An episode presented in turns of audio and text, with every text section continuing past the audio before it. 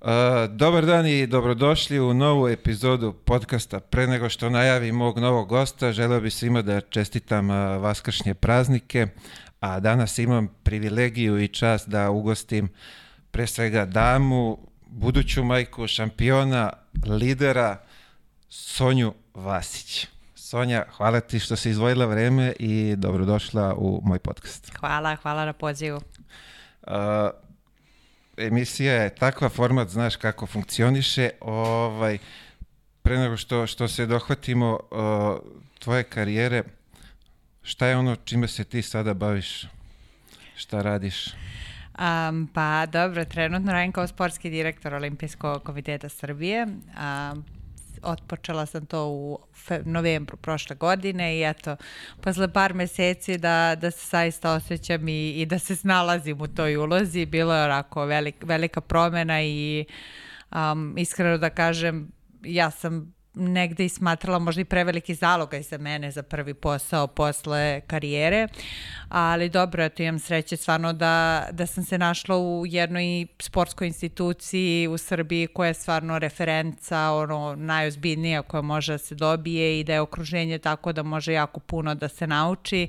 I ono kažem, ajde, mi sportisti, gde god da nas baciš, borit ćemo se i trudit ćemo se najbolje što možemo, tako da ove, ovaj, za, sad, za sad se koprcam, vidjet ćemo s vremenom kako će biti s rezultatima. Uh, ono što me zanima kako je sad, evo boš, pro, prošlo je određeno vreme, kako izgleda to, da kažemo, iz patika u štikle, ne u, ne u cipele, nego u štikle, kako je, jesi ti to očekivala tako ili Pa iskreno a, nisam. A, ja jesam onako dosta rano počela, mislim, od uvek smo mi nekako na vreme razmatrali šta ću ja posle, pre svega mislim na moju porodicu, onda kasnije i ja sa suprugom i šta bi to bilo, ne znam, neki moji sledeći koraci, kako zamišljam život posle košarke i tako dalje. Međutim, a, iako je bilo tu više opcija pri završetku karijere šta, šta mi se nudilo. Sve mi je delovalo kao nije još vreme, um, nije to baš najbolja možda neka priča, ajde da vidimo da li će se još nešto pojaviti. Stvarno sam mislila da će imati mnogo više vremena, onako da ja da mi dosadi taj život gde ne radim ništa. Međutim, um, pojavila se ta ponuda od olimpijskog komiteta i ono, ja kažem, to, to valjda mi koji imamo te ponude od klubova znamo da imaju neke ponude koje se u životu ne odbijaju i ovaj, ovo je delovalo kao jedna od njih i bukvalno onako u nedelju dana, da, dana sam presekla da, presekla da krenem u tu novu etapu svog života i jeste bilo stvarno onako, taj prvi mesec je bio dosta šokantan što se tiče životnog ritma i radno vreme od 8 do 4 i ono, ta neka energija, sedenje u, za radnim stolom toliko vreme, nekako ono, ja kažem, bilo mi je čudno, ali ipak si ti kao sportista naviko svaki sekund na terenu manje više je ispunjen i ti radiš i nešto korisno se dešava ili barem je meni takav uvek osjećaj bio. I sad se dešava, naravno, ja imam momente kada sam, ono, dane kada sam na 10 sastanaka za redom i ne mogu da dišem i dođem kući u 6, ali imam dane kada, ono, kao sad vremena sedim za stolom i nemam šta efektivno da radim i meni je tu odmah bila neka panika, kao, um, kao šta je ovo, kako ja koristim svoje vreme, ovo nije efikasno ili tako nešto, ali dobro, na, nauči se sve to s vremenom, tako da jeste mi trebalo sigurno, eto, možda nekih mesec, mesec i po malo da uđem u ritam i naravno da uđem uopšte tematiku posla, ali ipak ovaj, meni to dosta se bilo nepoznato, pogotovo što se mi najviše bavimo individualnim sportovima i sportistima, ali eto, malo po malo s vremenom i, i da kažem u sreću da imam onako baš dobre ljude oko sebe od kojih su bili spremni da mi pomognu u tome i evo, prođe već par meseci, a, a da se ja već osjećam bolje tu gde sam. A, ajde kažemo, ušla si u tu neku rutinu. A, ono što me zanima, a, kad kažeš individualne sportove, ti si, imaš neki, ajde kažemo, sektor ko, za, za koji si zadužena ili ka, kako to sad? Uh, u suštini, um, u Olimpijskom komitetu imamo par sektora. Mi smo sektor za sport, znači ja kao sportski direktor uh, sam ono, zadužena za sportski sektor i uh, bavimo se naravno svim sportovima, svim aha, olimpijskim aha. sportovima, mi smo zaduženi znači za sve sportove iz olimpijske porodice, to je spo, koji su za taj, da kažemo, olimpijski ciklus na programu.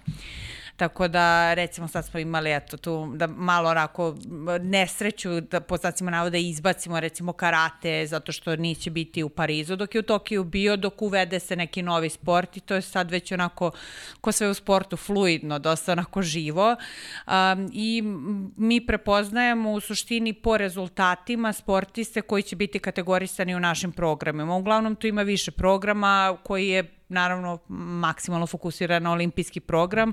Trenutno je aktualan Paris 2024, a onda imamo još par onako dodatnih programa vezane za razvojne projekte ili za zimske sportove.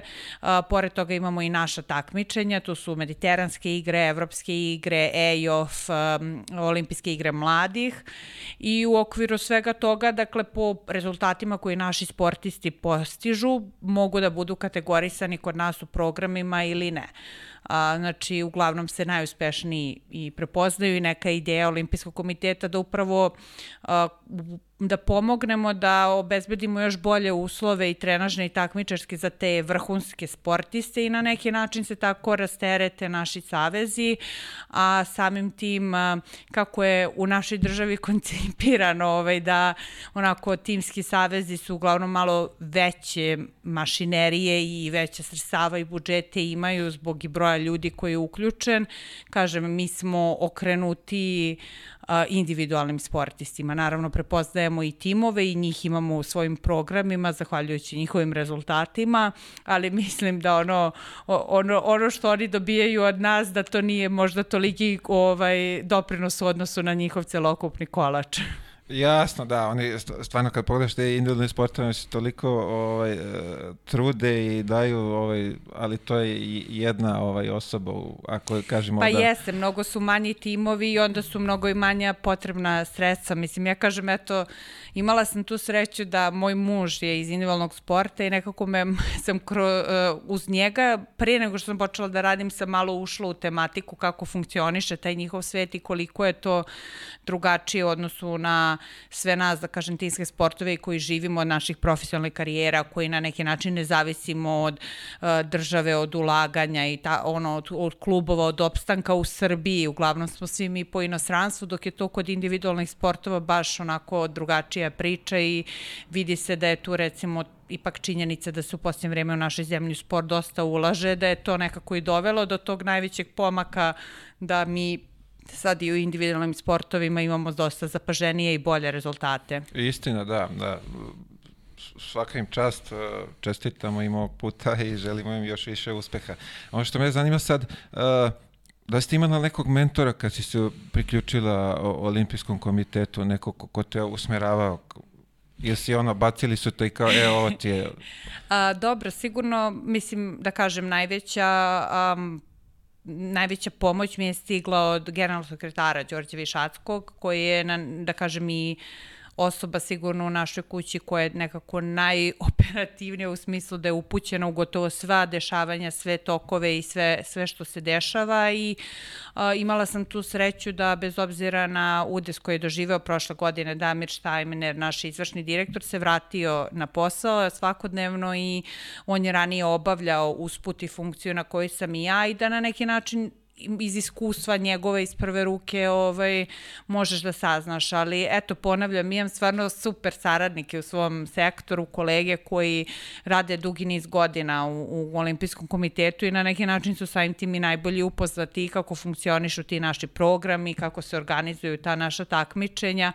I ono, ja kažem, to je valjda i nekako ovaj, kod nas koji dolazimo iz timskih sportova, ja nisam stvarno tip koji ono uh, je za neku autokratiju, ja nekako ono, valjda verujem uvek kao i kod nas u košarci da je za uspeh neophodno da smo svi onako ovaj, kohezivni, da to dobro funkcioniše, da svako ima pravo glasa i onda tako nekako i u mom sektoru trudimo se da, da ono, dosta stvari se diskutuje i da se te odluke koje se donose za naš sport, da to ne bude bude ono samo vlast jedne osobe, nego da je to zaista donešeno na neki način onako razmatranjem mnoštvo opcija, mnoštvo mišljenja i onako konsultovanjem, tako da imam sreće da, da imam ljude oko sebe koji za sada stvarno su mi pomogli mnogo da čitav taj svet naučim mnogo brzo, što, što trenutno tako meni iskreno deluje.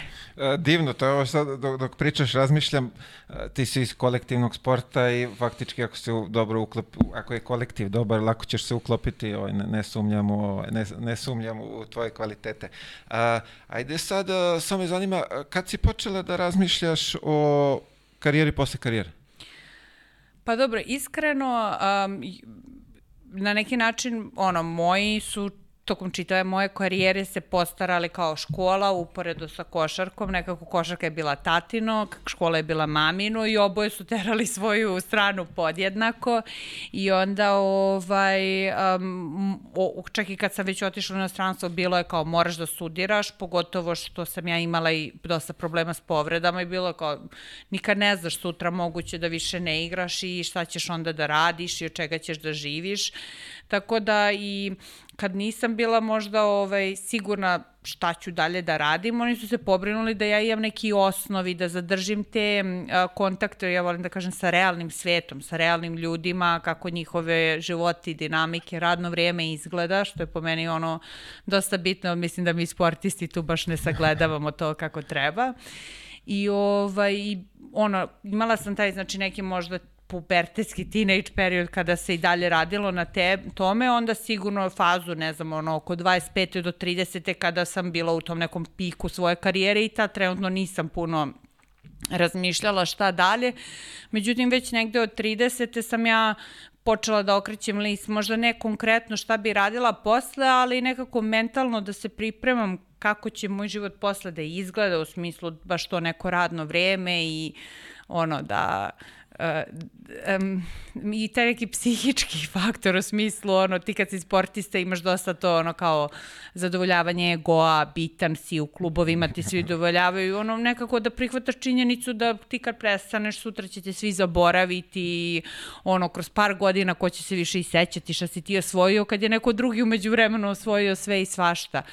I onda sam tu baš rano onako psihički, ja mislim, počela da se pripremam na, na šta posle i intenzivno jedno poslednje dve godine karijere gledala koje su mi opcije. Tu sam onda i kroz FIBU završila njihov master program Time Out i tu je onako, kažem, isto bila super jedna kvalitetna priča gde onako se povežeš sa mnogo sportista koji prolaze kroz isto i gde se onako razmenjuješ upravo to mišljenja, opcije, i onako baš kvalitetna priča da, da shvatiš šta je to što te čeka, tako da ono, bile su to razne faze u karijeri, ali mislim da sam sigurno imala jedno go, tri godine poslednje kada sam ozbiljno počela da se pripremam šta me to čeka kada ja prestanem da igram, znači ne samo sa aspekta šta ću da radim, od čega ću da živim, znači znala sam ja da imam ja tu neki luksuz i da lutam par godina dok se ne pronađem, uh, ali više onako taj neki psihički emotivni deo u smislu kao morat ćeš da prihvatiš to da kao sada si ono najobičnija osoba na ulici. Mislim što su moji nekako se uvek smatrali da ja uvek tako i treba da, da živim i da se ponašam što je po meni najnormalnije. Ja ne mislim da ako si uspešan sportista te to čini išta bitnijom ili boljom osobom od nekog drugog ali onako ume sport da te odnese na razne strane i onda mi je to više bilo bitno da shvatim da ono, sutradan, ko, će se sećati ko sam ja kada, ono, nadamo se naših, naše košarkašice osvoje još ne znam koliko medalja. Uh, divno, fantastičan primer. Ja ovde pokušavam malo da, da skrene pažnju na tu edukaciju igrača, ovaj, da, da razmišljaju uh, šta će raditi posle karijere, jer se nikad ne zna ovaj, kad će se karijera završiti. O, to može da bude svaki dan, svaka povreda može ti donese kraj karijere, ovo što si ti rekla, fantastično i, i zahvalan sam ti na, na tome što si iznala.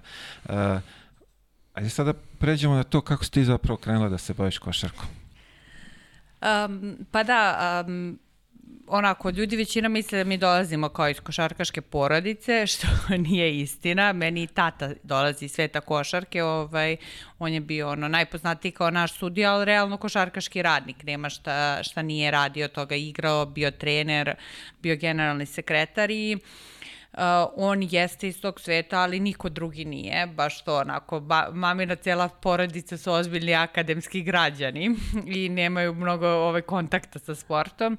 Međutim, onako, leta su bila rezervisana baš za to, mi pratimo tatu po kampovima ili mama i tata putuju na neko prvenstvo, pa mi gledamo zato što znamo da su oni tamo i košarka je uvek bila oko nas i mislim, šta će dete da uradi nego da dohvati se lopte. I sestra i ja smo onako jedan duži period nagovarale tatu da nas ovaj, uh, pusti da trenira, valjda ono, uh, ko svi mi koji dolazimo iz nekog sporta znaš obe strane, pa nisi baš siguran da li želiš svom detetu to. I nagovorili smo ga nekako i tata je bukvalno kad sam ja bila prvi razred, a sestra treći u našoj osnovnoj školi napravio školu košarke i on nas je i trenirao realno uh, mojih prvih uh, sedam godina dok nismo prešli u Zvezdu. Wow. Da. Tako da ja kažem, mislim sigurno i najodgovornija osoba za sve moje uspehe, što ono, realno me napravio igračem, a i kasnije zaista je značilo da nekako u karijeri gde pogotovo u tom uzrastu i pubertetskom ili neštom i prvih uspeha gde ono, izbor agenta, izbor klubova, značilo je da imaš osobu koja dolazi iz tog sveta i može da vidi mnogo dalje od mene i bilo je tu par situacija gde ja se nisam slagala sa njim i smatrala sam ono kao bukvalo da me terao da uradim nešto ove, što, što nije po mome, a onda kad sam pogledala pet godina unazad kad sam sazrela ispalo da je bio u pravu. Tako da ove, ono, kažem, sigurno naj nekako zaslužnija osoba za to gde sam stigla, uz cijelu tu priču, ono, imam sreće što je moja sestra sa mnom igrala bukvalno dok ja nisam otišla u inostranstvo i ovaj, imala, imala sam malo tu ušuškanost mlađeg deteta, da je uglavnom ona bila zaslužena nekako da, da sve to ona radi, organizuje, kad idemo, gde idemo, šta se nosi, na pripremama ko čuva pare i tako dalje, a da ja onako samo uživam i igram košarku, tako da verovatno i zato ovaj, sam toliko dugo i nekako baš pamtim taj period na najlepši period, ono zašto počinješ da se baviš sportom, zato što ga toliko voliš, a ne ovaj, da ima tu sa neki pritisaka i drame, to je posle došlo u ovim većim klubovima naravno, ali taj prvi period je stvarno ono nekako najlepši u smislu da igraš se sporta i to je to, ona čista ljubav.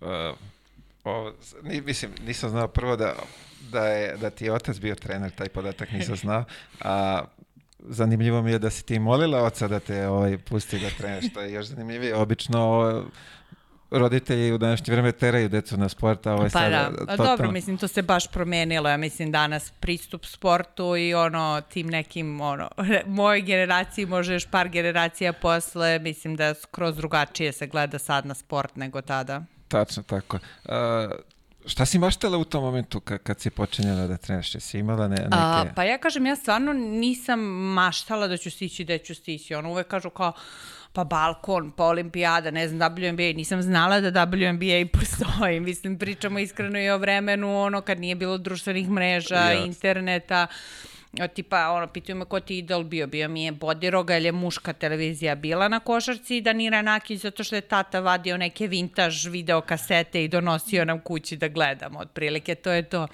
I, ovaj, i onda stvarno nisam imala, ne mogu da kažem da sam imala te konkretne snove, ali sam uvek imala stav kao da ja želim da budem najbolja. Tako da, da volim da pobeđujem, ono, da ni u čemu ne znam da gubim i da želim da budem najbolja i onda ovaj, ima tu sad raznih anegdota kroz našu karijeru gde ono, ja sam uh, jedina bila iz kao mlađe generacije 89. Uglavnom su sve devojčice bile 87. i 600, što je u tim godinama jako velika razlika, velika razlika fizički. Da ali ti vidiš mene kako ja na glavu padam i posrćem i saplićem se i ne znam nija šta, samo da budem ko one ili da njih pobedim to su i ono prve lekcije da me tata naučio da ne smem da varam, jer sam ja stalno pokušavala ovaj, kao da nadomestim sve te moje nedostatke, tako da kasnije, ja kažem, ono, zezali su me u kasnoj karijeri, su me u glavnom klubovima zvali sekretarice, ali ja uvek znam tačan rezultat, tačan broj, ono svega, jer ovaj, nisam posla nikad u životu krala, baš zbog toga što me je tata dobro naučio da se to ne radi. Tako da, ovaj, te taj prvi period onako a, je stvarno, mislim kažem, stvarno je bio ovaj, za mene kao dete divan, ali nisam sebe videla da, da ću ja kao ne znam dokle stići, iako ljudi koji ono poznaju mog tatu ono, iz tog perioda kažu da je on već tad tvrdio da će biti najbolja košarkašica Evrope, ali meni nikada nije rekao i eto i to mi je još jedna stvar ono, koliko danas roditelji mogu sa svojim pritiscima i ambicijama da pogrešno ono, deci stvore ovaj, ne, neko opterećenje koje ono, on je to verovatno već tada imao od mene, ali ja nikada nisam to čula iz njihovog, njegovog usta, čak še iše ono, najveći niz godina naši roditelji su bili moji sestrini najveći kritičari, ono, nikada nisu dozvolili da pred nama oni nas pohvale za nešto ili da mi mislimo kao da smo mi bolje nešto od druge dece. Evo sad kad si rekla, podsjetilo me, ovaj, prošle nedelje sam gledao film King Richard, jel tako? Aha. To je o, o Sereni Williams yes. upravo što, o, ovaj, to je ta verovatno filozofija. A kako se zove, kada ti počinješ, to jest priključuješ se seniorskoj ekipi, koji je to uzrast? Um, pa, sad ću slagati, zato što sad sve već deluje toliko davno. Uh, mislim da li sam imala, ne znam, da li 14 ili 15 godina kad sam ušla u prvi tim Zvezde. Uh, a, onako i to je nekako se desilo pod ultimatumom, jel, ovaj, na, nas mama nije htjela pustimo sprintijom, prvi tim je trenirao dva put dnevno, a ako treniraš dva put dnevno, pitanje je ono koliko izostaješ iz škole Jasno. i ona se baš dugo opirala ovaj, da, da mi pređemo kao u te profesionalne vode, tako da i čak i tada u tom periodu, ono, sećam se da je tu bila borba sa rukovodstvom zvezde, da je se dešavalo da su morali da je zove, zovu da je mole da nas pusti ovaj, na na, na trening ili na takmičenje ili nešto, jer je ona i dalje držala do toga da škola ono škola ne sme da, da trpi. Ovaj, tako da rano smo se a, priključile sestre, ja prvom timom, ali i tu kažem, eto, imala sam sreću da je ona uvek bila uz mene, nekako uvek je lakše kada imaš nekog svog, ovaj, ta neka nova iskustva i, i velike korake. Uh, ali za mene mislim da onako prvi ulazak u taj neki profesionalizam i, i šok šta znači biti deo ono seniorskog tima je u stvari bio odlazak u inostranstvo. E sada se, ovaj, kad si spomenula odlazak u inostranstvo, ja sam našao da ovamo negde da to bio presedan u tom momentu, ti si maloletna uh, otišla za Španiju, tako, u Barcelonu. Yes kako se to izdešavalo? To me podsjetilo isto vamo na NBA draft kada su zbog Miličića oborili starosnu dob za, za draft. To, to je nekako... Pa da, do tada FIBA nije u suštini puštala igračima mlađih od 18 godina i sad u muškoj košarci je bilo već par presedana, u ženskoj košarci od tada nije bio još ni jedan i ovaj, ja sam kao izabrala da želim da idem u Barcelonu da igram, i bukvalno ono već septembar, oktobar, ja i dalje čekam kao to imam ugovor i sve, ali ja nemam dozvolu od FIBE da, da odem da igram. I negde u novembru ovaj, Barcelona kao je već mene pozvala kao ajde dođi da treniraš pa ćemo videti ono, valjda ćeš u nekom trenutku ovaj, dobiti dozvolu i bukvalno onda u roku od par nedelja stigla vest da mi je Narsan Olin je tad bio generalni sekretar FIBE Europe, da mi je dao kao specijalnu dozvolu da, da mogu da igram i mislim da posle toga manje više ono to prestalo i da bude neko zvanično pravilo. A reci mi, su roditelji bili zato da ti ideš uh, preko ili... Um, tata jeste. Ovaj, tata je dugo čak imao kao ne, njegova načalna ideja, ideja u stvari bila da sestrija idemo obe u Ameriku da studiramo preko košarke i na neki način tako da u stvari spojiš sport i obrazovanje.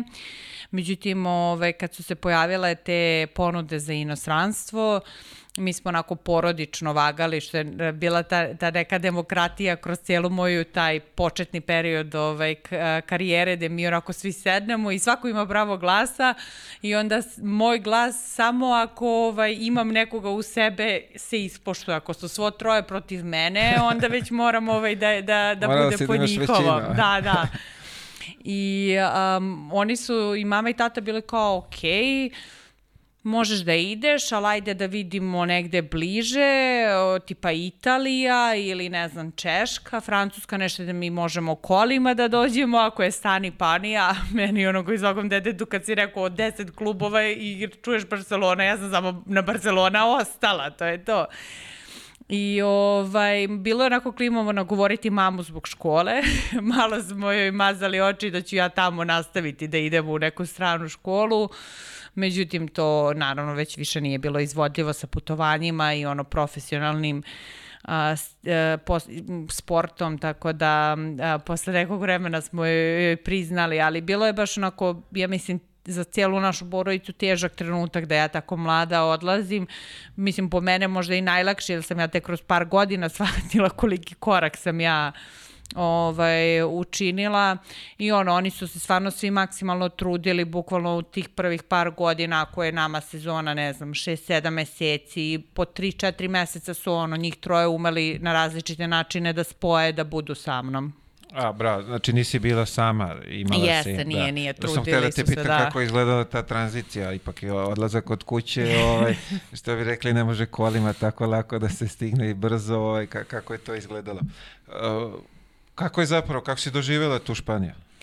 A, pa, mislim, stvarno bi je onako sve bio šok. Ja kažem, volim je onako da se, se našalim. A, tad, I ni tad nije bilo direktnih letova a, Srbija, Španija i ja sam, ono, preko Italije smo leteli, presedali. Ja sam, ono, kažem, u šali, ja sam na oba leta i u pauzi na aerodromu plakala. znači, ono, toliko bi je bilo kao što se ja rastajem ovaj, od svog života, ono, celokupnog. I onda, kažem, tačno se vidi, onda već sledećeg sezonu idem u drugi klub, plačem već samo na rastanku i onda vremenom prestaneš da plačeš, to ti postane ovaj stil života. Ali, elem, u Španiji onako, mislim, stvarno je bilo nekako sve novo u smislu um, taj, taj njihov stil života, pa ne znam, ono, i Španci su onako vo, umeju da žive, ajde da kažem. Znaju da žive. da, i ovaj, mi izgubimo, tamo se niko ne nervira, meni ono u Srbiji nih ne smeš da pričaš ni sa kim posle ono poraze ili nečega. Onda i ta neka moja tranzicija uh, istinska, ili ipak ja u Zvezdi, ako sam došla u seniorski tim, uvek sam imala dobru ulogu u smislu zapaženu minutažu, bez nekog pritiska. Sad odjednom ono dešava se kao jednu utakmicu igram 30, sledeću igram 10 minute, kao ko još za 10 minuta može da uradi nešto. I nekako ono prihvatanje i tih ovaj borbi između stranaca i, i borbe za svake ono mesto u timu i kažem ono imala sam sreću što sam imala još jednu srpkinju ekipu i Miljanu Musović. I da nije bilo nje mislim da ja Barcelonu ne bi videla da, je, da bi bilo kod da sam otišla da igram u neko selo ne znam nija gde ona je bila nekako ta koja me terala da ovaj da, ja malo i izađem iz stana, ali ja sam bila kao mora dodatno ono da se trenira, donosila loptu kući, pa ne znam, imamo teretanu u zgradi, pa idi u teretanu, ali bile su stvarno velike promene, ono ne znam, ishrana, sve te stvari koje do tada, ne znam, pranje veša, ništa ti do tada nisi morao da radiš, ono, mislim, ja kažem, ima ok u Srbiji dece koje to ranije iskuse, jel su iz manjih mesta, pa pređeš u Beograd ili negde, ja nisam. I ovaj, sve to je bilo onako ovaj, jedan šok, onako sećam se svi ovi moji društva iz gimnazije kad smo se čuli kao, ja, to živiš sama u stanu u Barceloni, kao fenomenalno. A ja ono kao nije ni malo fenomenalno, ali dobro, ovaj, mislim ono, meni su to neke stvari koje te posle za život samo još više osposobe.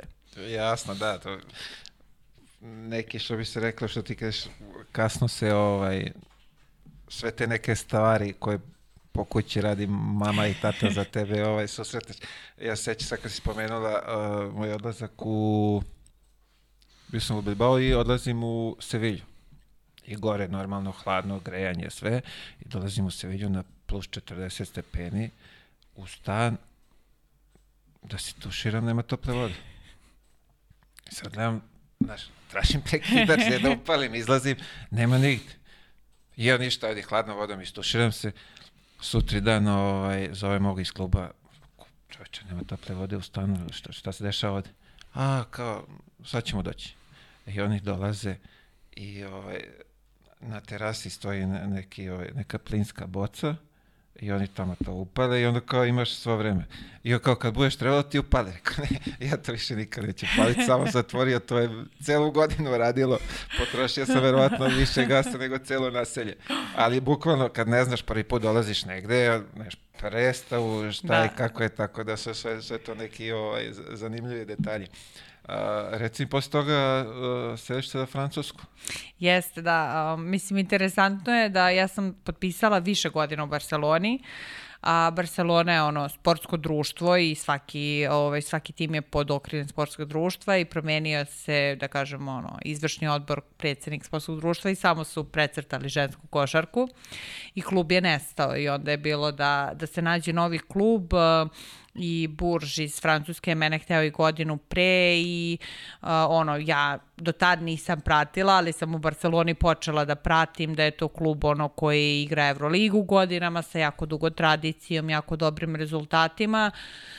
Totalno drugačija priča od Barcelone, ono, selo, francusko, nema ništa, posle 7-8 sve zatvoreno, ali živi za košarku, znači ono, bukvalno tamo na ulici svaka osoba te prepoznaje i hala je uvek puna i stvarno onako super jedna košarkaška priča i ispostavilo se za mene kao mladog igrača pun pogodak. Imali smo jako dobru ekipu, ovaj, baš smo ono, osvojili duplu krunu, otišli na Final Four Evrolige, što je meni ono bilo kao prva sezona Evrolige, ja idem već na Final Four. Uh, Um, realno imali smo super trenera Pierre Vinceta koji ono je jako puno sa mnom radio dodatno i sve se to tako nekako namestilo da, da je onako baš bilo ovaj, možda manje glamurozno nego Barcelona za život, ali za košarku jedna ja mislim baš onako kvalitetna priča koja je meni u karijeri ja mislim baš onako puno doprinela. Čak sam i ja čuo za, za, za taj Bož još ovaj, 90-ih. E, reci mi sad, uh kad si spomenula Final Four, koliko si ti zapravo Final Four propustila u karijeri? propustila? Da. A, pa da, dobro, zvanično a, nisam se kvalifikovala samo na, po, na poslednji ovo u u, u svojoj sezoni u Gironi, ispali smo u četvrfinalu. Godinu pre toga isto verovatno ne bismo otišli, ali korona je prekinula pa nije zvanično. Ali mimo toga da, sve, svake godine kad sam igrala Euroligu sam sa ekipom odlazila na Final Four ili Final Eight, jer se sistem menjao. Mm. Tako da, ovaj, kažem, ono, um, imala sam sreće da, da, da sam ja umela da izaberem kluba i da su dobri klubovi mene htjeli. Svaka čast, svaka čast. Zanima me taj podatak, pošto ono što sam malo pronašao, Rekao, čekaj, ovde svake godine bio neki Final Four.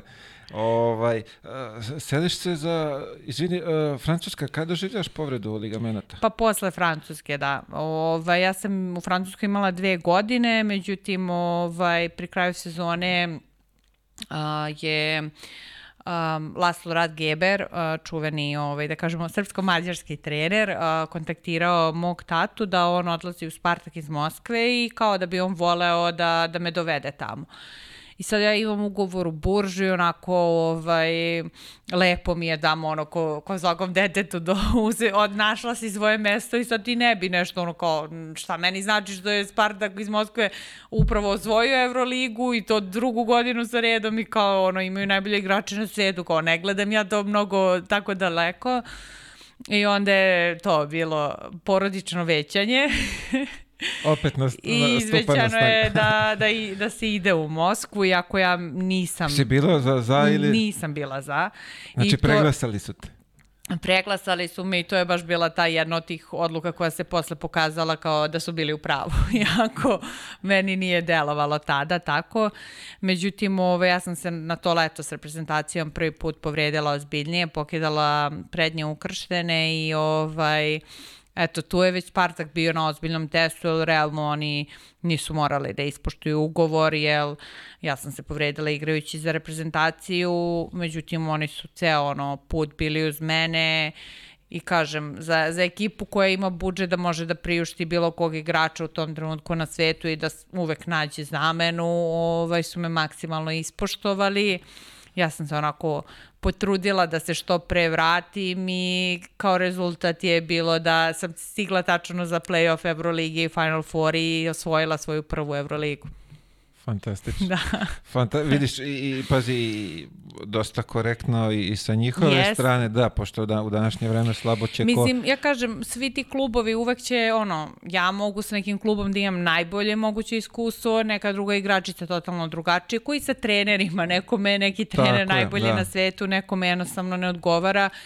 Ja onako verujem da um, na tu neku ono njihovu prvu reakciju koja je meni stvarno delovala više nego ljudska i korektna sam ja zato posle godinama prema njima imala nekako onako stav ko da, ko da to nije čisti posao, nego da, da imamo te neke, ajde, ono, kad klubovi pričaju kao porodične odnose, mislim što uglavnom nije istina, ali ovaj, da ipak smo stvarno imali jako dobru saradnju i na kraju i jesam ostala tamo šest godina, što ipak stvarno puno govori. E, to me zanima sad, uh, Rusija je onako hladna zemlja, Rusi su hladni ljudi.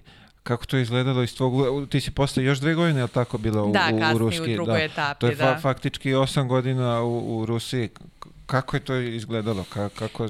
Pa dobro, mislim, prvo iskreno, e, ta d- d- dve etape su totalno drugačije, znači moje iskustvo u Moskvi i Kursku je dosta drugačije. Ovaj, Moskva je, mislim, ipak Moskva i stvarno ipak ima čovek šta da radi, to je jedna metropola i ja kažem, imam sreću, ja dolazim iz Srbije da sam ja jako brzo zavladala jezik i takva kakva sam, ono, recimo problemi u Moskvi često gužve, saobraćaj, uglavnom moraš da imaš vozača tamo, pa onda da li te čeka, koliko te čeka i ja onako, ja sam išla metrom svugde, jer meni to lakše, ja nemam problem, ja ono, čitam njihovu ćirilicu, znam da su ono, ovaj, nijedna strankinja nije htjela za mnom da uđe od prilike, a ovaj, posle kad su videli koliko je to efikasnije, onda su malo počele da bedjaju mišljenje, tako da, što se mene nekako tiče, ja stvarno iz Moskve imam super, ono, sećanja, iako jeste bio jako težak period, jer su me tad zadesile ovaj, sve moje najveće povrede. S druge strane, ono, osvojila sam dve Evrolige, stasala od ono, mladog igrača do, do lidera tima, ovaj, imala priliku da na licu mesta vidim najbolje igrače na svetu, što mislim da me ono najviše nekako formiralo kao igrača kasnije, da, da vidiš, kad, ono, vidiš kako to najbolje radi i nekako meni je zaista Moskva ostala u, u divnom sećanju, ono kažem, da, da nisam imala takav odnos s klubom kakav sam imala, ja bi možda čak ostala i duže, nego pošto je klub već počeo realno da da polako opada, oni su sami bukvalno maltene bili kao Sonja, vreme ti je da ideš dalje. Wow, zanimljivo. A, ono što, što ja znam, ti ruski klubovi stvarno su dovodili te najbolje ame, Amerikanke ovaj, u svoje ekipe da bi osvajale da bi osvajale E- Euroligu. Kako je to, jesi ti pored sebe imala neke od tih imena? Pa jeste, znači a, mi smo u suštini Spartak, sad pravo da vam kažem, više i ne pratim aktualno, mislim da je ova situacija sada možda poremetila i Ekaterinburg, moguće su oni bili konkurenti, inače Spartak je bio jedini klub koji je četiri godine za redom osvojio žensku Evroligu. I ovaj, ja sam bila u dve te sezone, imala sam priliku da igram sa Dajanom Taurazi, Sue Bird, Lauren Jackson. Mislim, imali smo stvarno ekipu za koju smatraju da bi mogla WNBA da osvoji.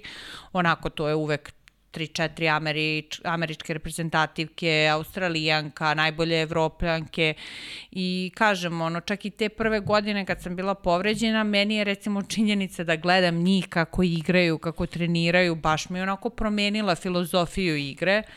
Ovaj, moj tate recimo uvek kuburija sa mnom, jer ja sam e, počela kao play. I ja kad sam ono kao dete, ti kad igraš 40 minuta uvek ćeš sakupiti poene, ne znam, malo ulaz, šutneš jedan po dva put, koji penal, znači ono, imaćeš uvek poene. Međutim, kada ono dođeš na taj profi nivo, tu sad više se ono, nema lopti, tu sad svako hoće ono da on, i onda je on ono, kao Sonja igrala si 20 minuta, šutnula si tri puta, kao jesi ti normalna, kao igraš krila, kao ono, i baš se mučio sa mnom i tek u Spartaku, valjda kad sam ja videla kako to ono, ta elita, koja ne razmišlja, znači ona je bukvalno promašila tri četvrtu za pobedu uzima, ko da je do tada ono ovaj, šutirala 5-5 sam malo počela da, da shvatam u suštini u kom pravcu ide, ide igra i da ja malo menjam. I onda ne samo tere nego i njihov odnos prema treningu, one uh, gotovo svako slobodan dan dolaze da dodatno šutiraju, a pričamo u tom trenutku o najboljim igračicama na svetu, pa njihov odnos prema fiziju, prema vozačima, treneru, svima, to su neke stvari gde ja stvarno mislim da sam onako baš naučila to da kako jedan lider, kako neko ko, ko hoće da bude primer u ekipi treba da se ponaša i zato mislim da su to onako um, možda najedukativnije godine u mojoj ovaj, karijeri, ali bila je onako, jeste bio onako specifičan mentalitet, pogotovo što je nama a, prve dve godine je još bio živ vlasnik bio Šaptaj von Kalmanović.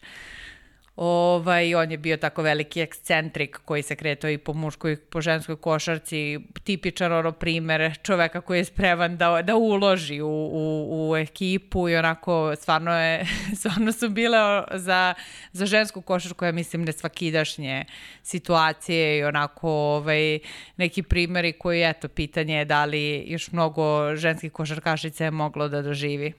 A, reci mi, život u Moskvi, da li si imala ono kao, ajde da, da, da ga malo doživiš, kako, kako to izgleda? Pa ja mislim da jesam, zato što baš, da, ja nekako jesam tako kao otvorena i trudim se i da dosta obilazim i ono ipak u Moskvi je dosta ljudi dolazilo da me poseti i kažem eto imali... To je bar bila direktna linija. Jeste. Imali smo direktnu liniju. I ovaj... Um, imala sam, mislim, kad je takav profi klub, onda e, tu se ne trenira mnogo, onako više se očekuje ako si ti mladi igrač i ako hoćeš da napraviš, da ćeš ti dodatno raditi, dok ekipa kao ekipa radi ono najosnovnije. Možda neki je to sistem onako malo sličan WNBA-u. I ovaj, imala sam onako prostora da ja e, da kažem da mogu da bude bi rekli neki kao ajde turista.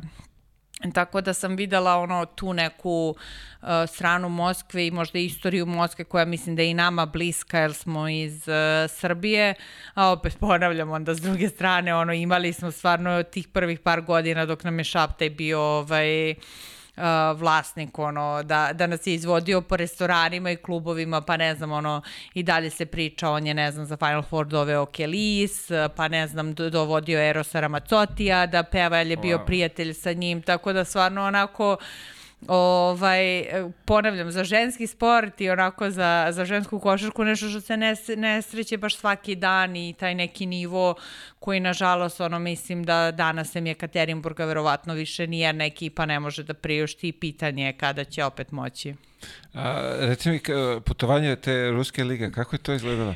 Imali smo ovde primer, Ivan Redenović je pričao, on je bio u Ukrajini i sad isto je klub ovaj, dobro stojeći bio ovaj, kao idemo u hotel 5 zvezdica i onda idemo neko putovanje, spavamo na daskama, ono katastrofa, ali kao njima je to sve sasvim okej, okay, kao Jeste, ovaj, dobro, u Moskvi se to nije osjećalo toliko, jer su bolje konekcije i da, mislim, pogotovo dok je Šavte bio živ, da smo imali na raspolaganju često da se ide čarterom.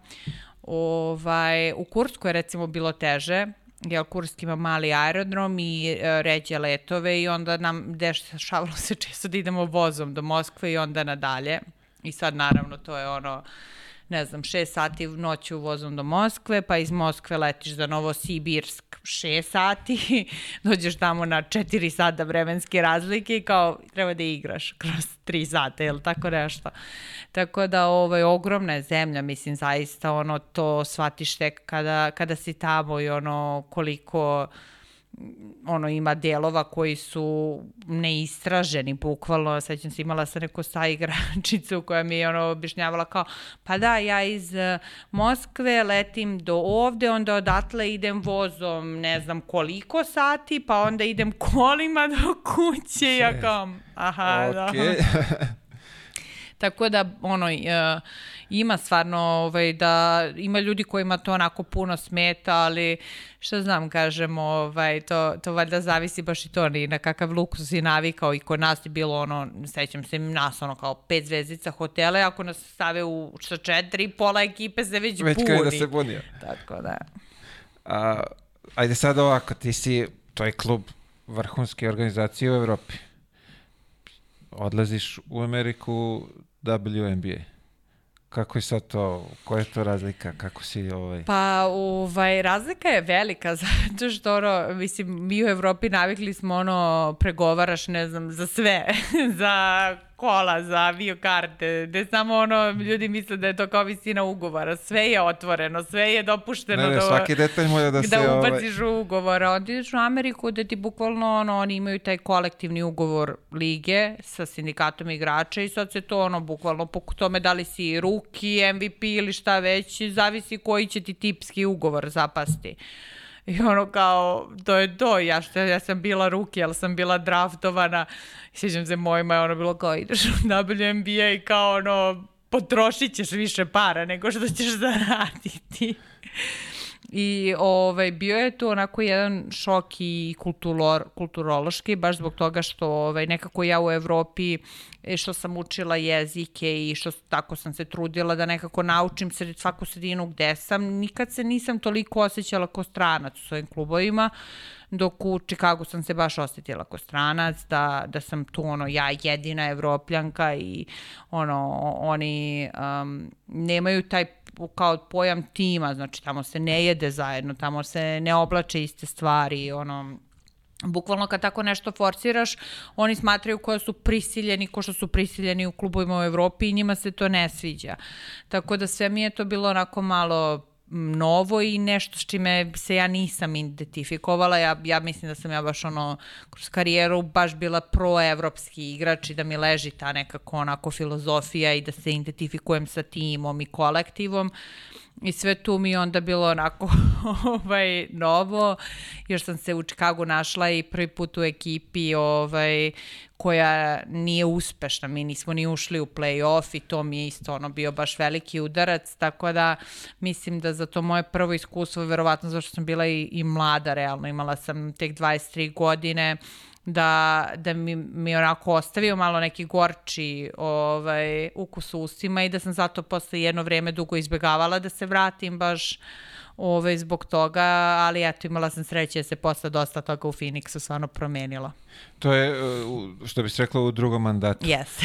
A sad mi, ovo, mene zanima, ti igraš, znači, Evropu celu sezonu, nemaš pauzu, nastavljaš tamo. To je faktički ti si 12 meseci bez pauze, bez kako to izgleda? Jeste, kako je znači to za bukvalno uh, eto, znači ja sam draftovana od San Antonija, međutim uh, meni je u tom trenutku u Spartaku trener bila Poki Chatman koja je bila trener u Čikagu i ona je htjela da dođem kod nje. I onda su um, ono uspeli da se dogovorimo, San Antonio je mene pustio, tradovana sam u, u Čikagu i bilo je bukvalno ne znam uh, mi završavamo sezonu lupam 28. aprila, ja 3. maja treba da sam u Čikagu. Znači ono, samo A. idem kući, zamenim stvari i stižem u Čikago. Ovaj, I onda bukvalno po povratku iz Čikaga sam imala nedelju dana pre nastavka svoje sezone u u ovaj u, u Rusiji. Tako da jeste, to je bukvalno ono, ne znam, ne možda 365, ali recimo kažemo 350 dana košarke I ovaj, sad ja kažem, meni jeste bilo i fizički naporno, jer ja sam imala već te povrede i samim tim nije da, da ovaj, kad toliko onda treniraš i igraš to i da, ne, ne ostavlja dodatni ovaj, u, uticaj na telo, ali iskreno najveći utisak mi je bio psihički nekako, psihičko opterećenje svega toga, jer ja sam neko ko je ono uvek oran bio da ide na treninge i nisam bežala od treninga i lek za, za svaki neuspeh, za nesigurnost mi je bila sala i trening. I onda kada sam se prvi put, a mlada, našla u situaciji da je meni mučno da odem na trening i da onako nekako nemam volju, mi je bio jasan pokazatelj da je to veliki uticaj toga što, što sam zaređala i mm, mislim ima baš puno igračica koje mogu to i koje to rade i, i svaka im čast, ali eto još jedan razloga zašto ja nisam više odlazila u Ameriku je sigurno baš i to, zato što zahteva da si cele, cele godine ovaj, posvećen tome i da se to samim tim odražava i na fizičko i na psihičko stanje. Počelo je onda i da se odražava na moje sezone u Evropi, a meni je to uvek bilo jako bitno na neki način kako igram ovde i na kraju ono, odraziti se na privatan život, mislim, bukvalno Jasne, da. ne postoji ako, ako planiraš da to radiš. A, možda uporediš tu taj WNBA sa, sa ajde kažemo, Euroligom ovde, koja je najjača evropska ženska košarka, ali tako? Jeste, pa dobro, ja kažem, mislim da um, stvarno onako imali smo sreću da je uh, u tom trenutku gde je Evropi bila mnogo jaka tržišna ponuda i ono tržište za žensku košarku dovelo do toga da je baš puno američkih najboljih košarkašica bilo tu i da smo nekako imali prilike da igramo sa ili protiv najboljima. Uh, I onda, ja kažem, tu ti uvek malo ostane onako nešto nesrazmerno, tu ti vidiš da ne sa svima, naravno, imaju neke koje su van konkurencije. Ali sa dosta njih da si ti, ono, boriš se. Možda se nosiš, što bi da. rekao. A onda odeš u Ameriku i baš mali broj ove evropskih igračica dobije priliku. Uh, i mislim da to onako da, dosta nama teško pada nekako činjenica da, da ipak ti znaš da ono tu neki ruki od koga si ti bolji će maltene iz nekih, ne kažem političkih, ali tako nekih birokratskih razloga ovaj, prolaziti bolje od tebe i ovaj, mislim da, da, da nema tolike razlike između tog nekog srednjeg nivoa lige i, i, evropskih igračica, čak što više mislim da s obzirom na iskustvo koje evropske igračice mogu da igraju, jer mnogo ranije počinjemo i mnogo ovaj, više utakmice igramo nego one na koleđima, da smo za taj neki srednji nivo mi u prednosti. Je sad ponavljam, ima stvarno taj neki elitni nivo američkih košarkašica koje su ovaj, van konkurencije, ali na kraju dana, s obzirom da ima ono 12 ekipa u u ligi, to je otprilike maksimum 2-3 po ekipi i, i to je to. Ovo ostalo mislim da zaista nije uopšte toliki jaz između njih i evropske košarke. Jasno. Uh, ovo što, da li oni, ajde, kako, kako bi to nazvao, uh, sve te najbolje američke, je li igraju oni Euroligu ili, ili kako, pošto Jeste, je ta ženska ovaj, NBA, to je koliko, 3-4 meseca leti, da, da, tako? to je da. otprilike počne negde sredinom maja i traje do sredinom oktobra ako uđeš u ono finale i to ko ne, oni su već slobodni. Tako da većina njih igra Evropu. Um, sad u posljednjih par godina je to počelo da se smanjuje. Um, mislim da čak i u planu da WNBA njih uslovi da, da ne, ne mogu, mogu da, da ne mogu.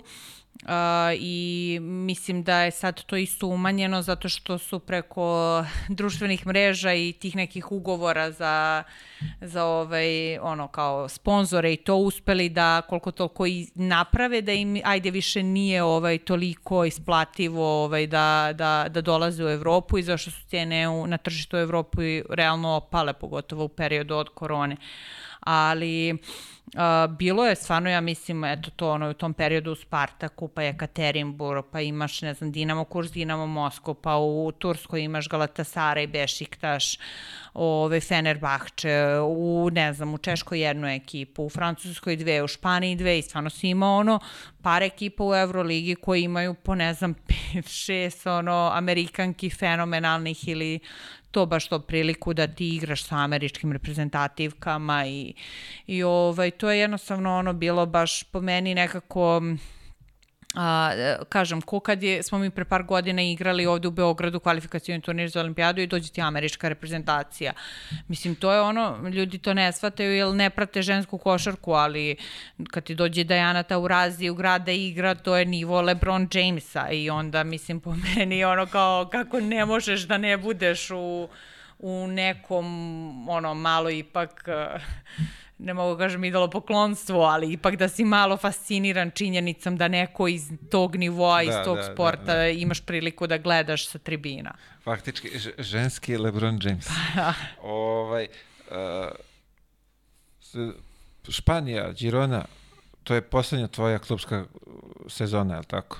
Uh, ajde kažemo, Girona je, bar ono što, kako sam se ja informisao, uh, u tom momentu ispod renomea tih ekipa ovaj, za koji si ti do tada igrala. Kako se odlučila za, za, za njih? Je li to bilo ono kao nešto da završimo u toplim krajevima ili... Pa dobro, da, bio je ovaj veliki uticaj um, kako, kako sam ja nekako ajde videla i svoj privatni život u smislu ovaj, dolazim iz Rusije gde ja kažem ono, moj suprug i ja smo uglavnom kad dođe kod mene dane mogli da provodimo samo u kući jer je stalno sneg i u Kurs, Kursk nije bio Moskva tako da kvalitet života nam nije bio na nivou i onda je sigurno bio i taj neki faktor kao da želim ovaj, sredinu gde, ono, ako mi ne ide sve fantastično na terenu, barem imam gde da odem da popijem kafu i pročitam knjigu na polju, na da kupi ili sunce. tako nešto, bukvalno. Ali a, najveći faktor je bio što da, ja sam znala da se približavam kraju i a, u Rusiji gde sam eto ono ipak odlazila i sa ambicijama da je klub koji je konkurentan, uh, i to ima renome i ne znam nija šta, ali i klub koji ima te finansijske mogućnosti da isisava ljubav prema sportu. I onda se meni desi dve godine sa Kurskom, ne znam, uh, prva u kojoj budem MVP Euroligije, da ja razmišljam da idem, što je kao ono, igraš sezonu života, kao zašto želiš da ideš, a onda da oba puta mi ulazimo u finale Euroligije, ili plasiramo se na Final Four i sad ono, ti se okrećeš na klupi, prema klupi nešto kao očekuješ neku reakciju, ono ravne linije, jel to je to kao mi imamo milionske budžete, kao očekuje se da mi da, to kao, uradimo. To je normalno, kao šta je. I meni ono već to bilo kao ja ne želim moje poslednje godine ovako da pamtim, mislim, ovaj, nisam zbog toga počela da igram košarku i stvarno mi je onako tužno da se sećam da mi to budu poslednje slike na terenu Tako da ovaj Girona je tu iskočila, upravo uh, Španska liga se dizala, oni su upravo bili osvojili prvenstvo, kvalifikovali su se za Euroligu i ovaj sve to nekako onako na papiru delovalo kao kao jedna lepa priča i jeste ono tokom godine te dve sezone bilo i izazovno ovaj jer sam ja stvarno imala već ozbiljne probleme što se tiče mog kolena i uh, koliko mogu možda da ja njima dam ono što su oni očekivali da, da im Jasne, dolazi, da. ali onako baš dve jako lepe sezone u smislu ovaj, čitave organizacije, čitave njihove posvećenosti tom sportu, kako oni doživljavaju košarku, isto kako grad doživljava košarku i sport i to je nešto ono na kraju što sam tražila i dobila. Uh, sad kad kažeš uh, Španija osvojili su prvenstvo, uh, možemo da, složit ćemo se verovatno da u poslednjih ne znam koliko godina ulaganje u ženski sport, aj kažemo košarku i odbojkuju na, na jednom vi, visokom nivou. A ono što me zanima, a, razlika da mi samo uporediš lige u kojima si igrala, koja je razlika između Pa dobro, uh, mislim, iskreno, uglavnom, ono, Francuska i Španska liga su najkonkurentnije u smislu da su nekako ekipe najizjednačenije. Mislim, u, u oba slučaja sam ja bila u klubovima koji su bili pri vrhu ili osvajali, ne znam, prvenstvo ili kup, ali onako ne možeš baš, ne možeš da dozvoliš sebi da se opustiš ni protiv koga. Uh, u Rusiji se to zna manje više, otprilike imaš ta top 3 um, ono, megalomska uh, kluba kojima ovi ostali ne mogu da primirišu, ali si zato imao dosta uslovljavanja baš zbog toga, um, zbog ogromnog broja stranaca, tamo su ono počeli da uvode, ne znam, samo četiri strankinje ili limitiran broj ove, ovaj, stranaca na terenu, na terenu da, i tako da, da. nešto što je, što je sve uticalo. Onako jedina drugačija liga je bilo kad sam igrala igrala sa Češkom, u Češkoj i sa Pragom, mislim što su meni stvarno ono najlepše godine moje karijere, ali mi bukvalno kroz to domaće prvenstvo ono igramo utakmice slabije nego što su naši treninzi, mislim, ovaj, tamo, tipa mislim da posle prve godine smo prestali da igramo kup, jer je kao bilo dajte da se da prilika nekad nekoj drugoj ekipi da, nešto da osvoji, mislim da ono, to su prosečni rezultati i sada, ovaj, da Prag to dobija 100 prema 30, 40, to wow. su neki nerealni rezultati ali ono, s druge strane zato je nama odgovaralo da si nekako mogao budeš usmeren ovaj, na, na Euroligu i da nemaš opterećenje i zemlja je mala, svugde se ide ono autobusom, najdalje ti je putovanje 4 sati, ono, bukvalno kod deca, kreneš ujutru, odigraš, vratiš se uveče, ne, nema tu nekog zamaranja, tako da uh, jako možda je to najmanje konkurentna, ali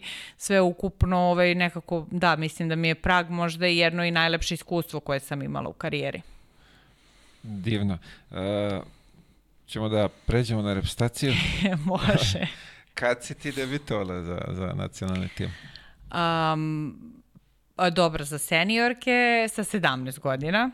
A, mislim da prvi put sam za mlađe kategorije igrala sa 13 godina ili možda 12, nisam sigurna, na nezvaničnom prvenstvu Evrope. Uh, a da sam prvi put na pripreme reprezentacije otišla sa 11.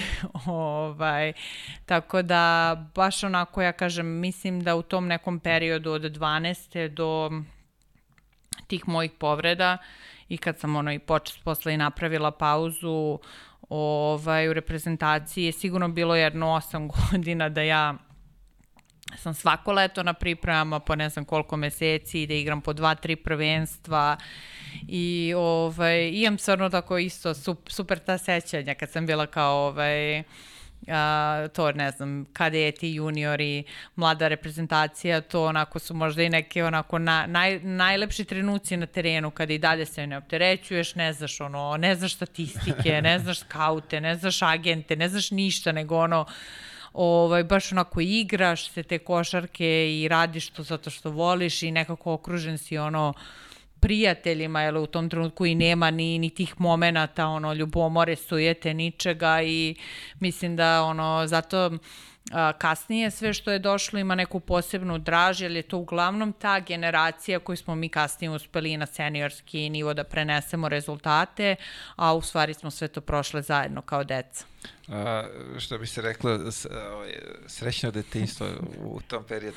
Ovaj, reci mi, tu postoji neka pauza od šest godina za repstaciju, je li to zbog povreda ili... A, pa je, a, jeste uglavnom, znači a, mislim da se desilo da, su, ono, ja sam zaređala dva prednja ukrštena i tu sam zaređala tri leta, da zbog toga nisam igrala i onda ovaj, otprilike baš u periodu kada je Marina došla na, na čelo reprezentacije, ovaj, ja sam već počela da imam mnogo ozbiljnija problema sa, sa kolenom i, i da jednostavno primećujem da leti. Ja ne mogu više ko ranije, ne znam, da treniram do iznemoglosti, da, da igram ne znam koliko prvenstva.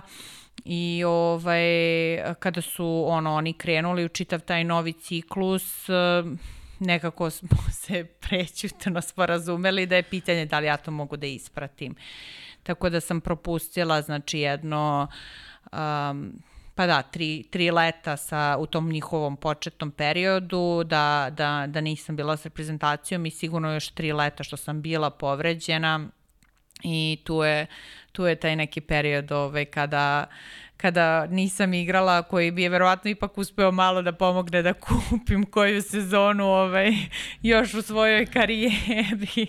Iako svi i dalje tvrde da sam jako rano ovaj, mlada prestala da igram, oni, oni ne znaju da ja možda imam sad, ajde, 33, da sam imala 32, ali da moje koleno otprilike ima 60 godina. Jasno, da, to, to ovaj, ljudi ne razumeju i verovatno neće nikad ni razumeti mi koji smo to prošli ovaj, i tekako dobro znamo.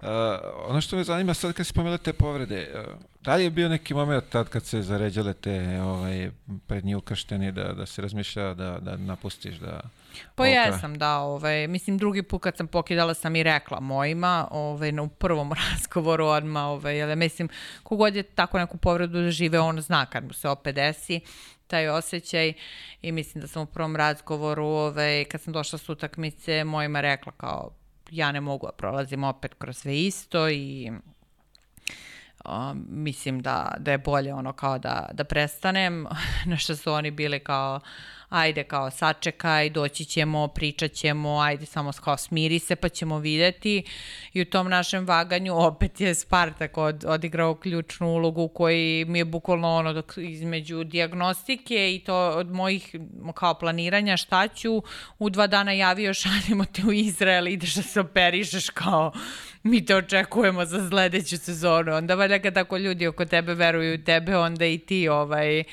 malo lakše prihvatiš sve to.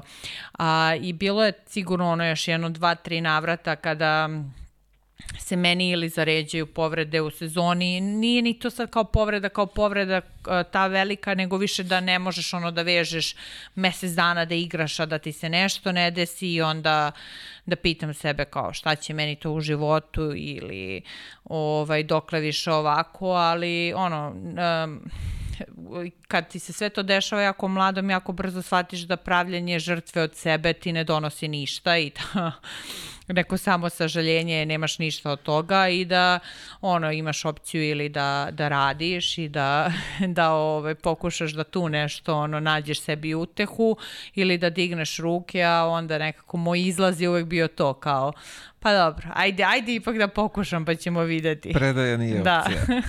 A, dolazimo do 2015. faktički kad se sve menja u, u korist reprezentacije, kad, kad faktički kreću i ti rezultati. Kako je to izgledalo? Ti si bila deo te ekipe. Pa jeste, dobro. Ovaj, mislim, ajde, ja kažem, meni je to bio povratak u reprezentaciju. Sa tim ta prva godina je bila jako uh, specifična. ja sam se ovaj, baš kasno pridružila dok smo ono, Marina i ja i obavile te neke razgovore uh, koliko je realno da se ja vratim u reprezentaciju. Ovaj, I kasno sam se pridružila tipa dve nedelje pred prvenstvo, ili tako nešto sam ja došla na pripreme i ono, znala sam ja većinu devojaka, ovaj, naravno od ranije i zajedno smo igrali prezentacije, ali nisam znala taj njihov sistem. Uh, i onda sve to, znači načini treniranja, na, njihovi ono, odnosi, Uh, kako se ja tu uklapam. Te godine sam recimo ja kod Marine igrala samo četvorku, što nije inače pozicija koju ja igram. I ovaj, sve to je nekako dosta, ovaj, baš sam me uticalo da ja baš sam tu godinu, onako ja kažem sebi, bila jako obazriva. Znači ja sam na terenu radila svoj to, ali uglavnom sam ono kao ćutala i držala se po strane, ali me je baš bio onako strah, one ipak su već otišle zajedno na svetsko, bile su četvrte u Evropi, bio me veliki strah ja kao treba dođe kao neko kao bitan šraf, da ako se loše postavim, da ću um, naneti štetu više nego koristi, da ću biti ono problem po kolektiv, tako da ovaj, te prve godine sam sva bila na ono saklenim nogama i ko na iglama pazila ovaj, kako, kako se obhodim, ali završilo se realno ovaj, fenomenalno. Mislim da, da meni nije ni bilo ono u, u opticaju da je to moguće. I nekako, eto, otpočeli smo čitavu tu priču te, te generacije za koju stvarno kažem, ono, mislim da smo napravili nešto izuzetno, ne samo sa aspeha ti medalja i uspeha, nego da si ono, uh, gde si doveo žensku košarku srpsku, ono, ne u Srbiji da smo sada prepoznatljivi, nego u Evropi, u svetu, kako nas gledaju, ono, da je sad nekako meta uvek tebi na leđima, zato što si kao, ovaj, jedan od konkurenata, tako da ovaj, mislim da s tog aspekta zaista imamo nešto čime ono, možemo da se ponosimo i da smo ostavili uh, nešto veliko u amanet ovim budućim generacijama, a to je opet bitno, jer ono, ako postaviš visoko lesvicu, onda imaju čemu visokom da, da streme i ti što dolaze. Tačno tako. Uh, samo malo da se zadržim kad se je spomenula, priključila se dve nedelje pred prvenstva. Je se, kad se priključile, bilo tu neke, ajde kažem, zavisti, ljubomore, ti kao dolaziš pred kraj, oni su već jedan period prošli zajedno, Neko mora da otpadne zbog tebe, ti dolaziš. Pa dobro, da, ne znam. Mislim, prvo iskreno ne znam, jer nisam bila toliko u tokovima, uglavnom sam se držala po strani da osetim. A, a i s druge strane, mislim, Marina stvarno to onako dosta fenomenalno radi. Ja kažem, ovaj, možda, možda se najmanje sviđa nama koji dolazimo iz velikih klubova i sa visokim statusima, ali ona fenomenalno nekako e, radi da smo svi u ekipi mi jednaki, da ona ima isti odnos prema svakoj od nas, znači nema tu nikakvih povlastica, nema ono, znači tu se samo gleda konačan cilj u smislu pobeda i naravno konačni plasma na, na određenom takmičenju i ovaj, to je po meni jako bitno za, za kolektivni sport i pogotovo još dodatno i kod žena, tako da mislim da i tu, bez obzira što sam se ja kasnije pridružila, da nije bilo tog nekog osjećaja da ja imam mišda povlašćeni ovaj, odnos odnosu na bilo koga drugog, jer nekako tako je uvek ono kod nje da nije bitno ko si ti, ono, da li si najbolji igrač ili 12. moraš, ono, imamo manje više svi isti status i ovaj, ja nekako sam isto imam ista uverenja u smislu da smatram da ti bez obzira koliko si dobar igrač, da samo svojim primerom ćeš zavrediti poštovanje svojih saigrača i onda mislim da, da sam se iz te strane onda i uklopila.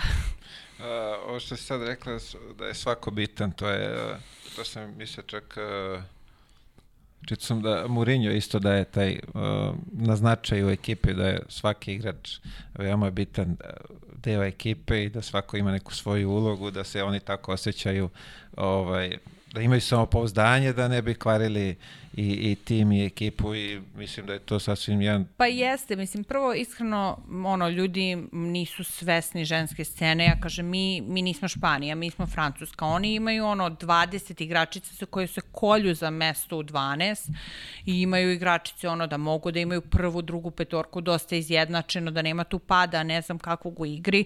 Ja iskreno mislim da mi imamo možda ono tri, četiri igrača koji su stvarno igrali neki vrhunski nivo. Ovo ostalo su igrači koji uh, su igrači uloge, ali su zato uspeli da našu ono ekipu podignu na nikad viši nivo i obavljaju mnogo nezahvalnije poslove. Ja kažem, najlakše je biti, ne znam, ono, prvi šuter, prvi strelac ekipe, a ko igra odbranu, ko postavlja blokove, ko skače.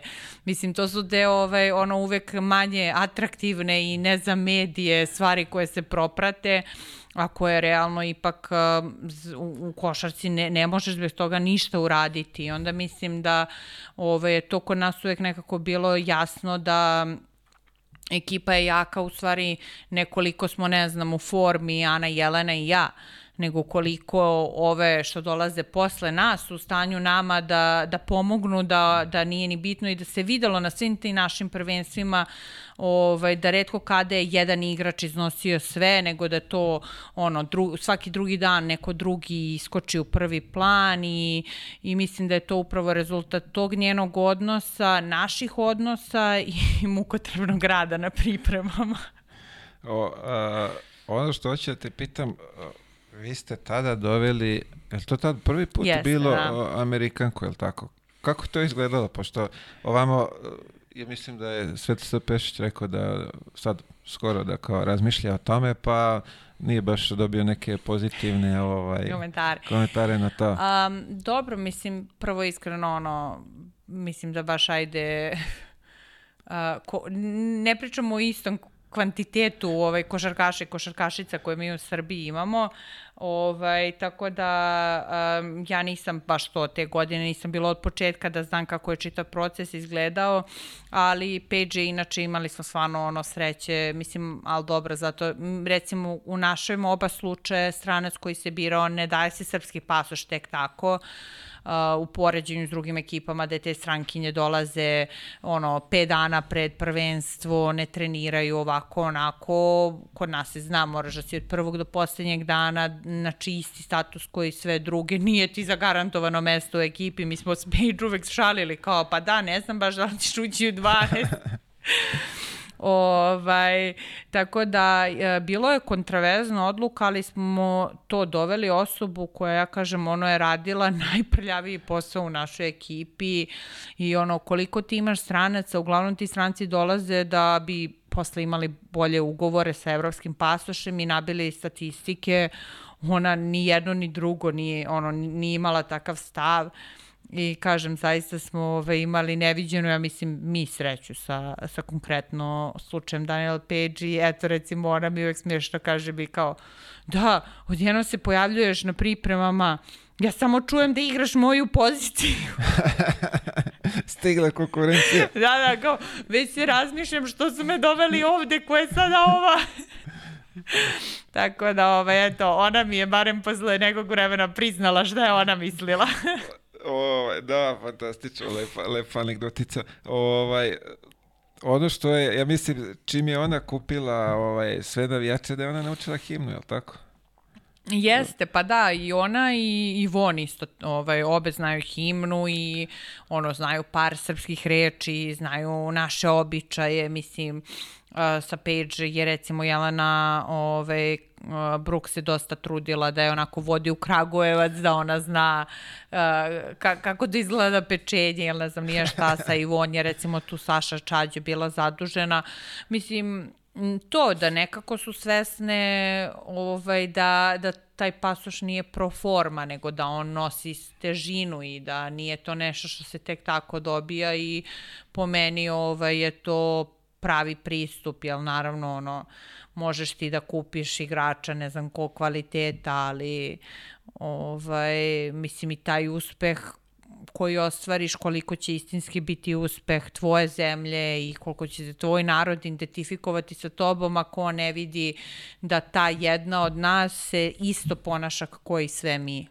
Tačno tako. Uh, osjećaj balkona? ovaj, pa dobro, baš onako mislim, ja, ne, ja nemam to da izradim rečima. Mislim, I... to je ono što verovatno svi mi koji smo trenirali i budući koji dolaze, da je to nekako maštamo pa, o tome jeste, da ćemo to doživeti. Ovaj, da. Mislim, zato što ti, mislim, deluje ti neverovatno ok, ti kao imaš ono osjećaj tokom prvenstva, ljudi prate, stižu ti poruke, ne znam nija šta, ali nemaš ti predstavu o toj masi. I onda kada izađeš i vidiš ono 20.000 ili tako nešto i ono skandiraju tvoje ime ili i tebi stvarno to deluje nerealno u smislu kao čime sam ja ovo zaslužio ili zaslužila. Tako da ovaj, to su stvarno ono, neki osjećaj koji samo u tom trenutku tamo osetiš i ne umeš opet nikako da, da vratiš i ja sam recimo imala totalno dva druga, drugačije osjećaje kad smo prvi put izlazile i kada smo izlazile sada prošlo leto, uh, prošlo leto čak se, sećam se, bila sam uzmano kao, pa dobro, sad ćeš biti sigurno ipak malo ono kao smirenija, staloženija, ipak si ovo već doživala, ja plakala, ono, otprilike što mi se prvi put nije desilo. Tako da ovaj mislim da definitivno to je to je neki ono ne ne može se racionalno opisati osjećaj, ali koji ja mislim da u tom trenutku ono svakom od nas sportista kaže kao Da, sve, sve živo je vredela. Uh, ajde da se dohvatimo sad uh, olimpijade. To je, ajde, osjećaj balkona. Kakav je osjećaj kad odeš na olimpijadu i vidiš sve te velike zvezde tamo koje se koji su malte ne u, u istom ste selu, ona kao olimpijsko selo, svi ste tu na istom mestu. Jeste, ovaj, dobro, mislim, ponavljam, ko eto i za, za Balkon, za olimpijadu mogu da kažem da eto, mi već ono, Rio i Tokio totalno druga dva doživljaja, gde mi kao u Rio idemo ono prvi put, ono, ženska košarkaška reprezentacija, ništa ne znaš kako to izgleda, ono, kao šta znači deo biti olimpijske porodice, ono, ovaj, kako je ta misija, kako je organizovano otvaranje olimpijade. Mislim, ni sa čim nisi upoznat, ono, to kantina, smeštaj, ništa, ništa. I sve onako bilo za nas baš ono eye-opening u smislu kao šta se dešava. Ovaj, sam da je Marina rekla da smo sve delovale pogubljeno.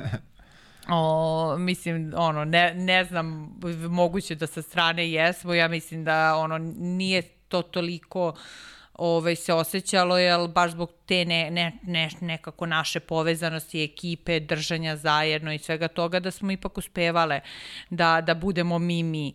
Ali jeste ono izazov, baš to ne znam, u kantini si ono prolazi Nadal, Ginobili, sestre Williams, Usain Bolt i sad ono kao oni su kao lupom jedu istu picu koju ja uzem da jedem.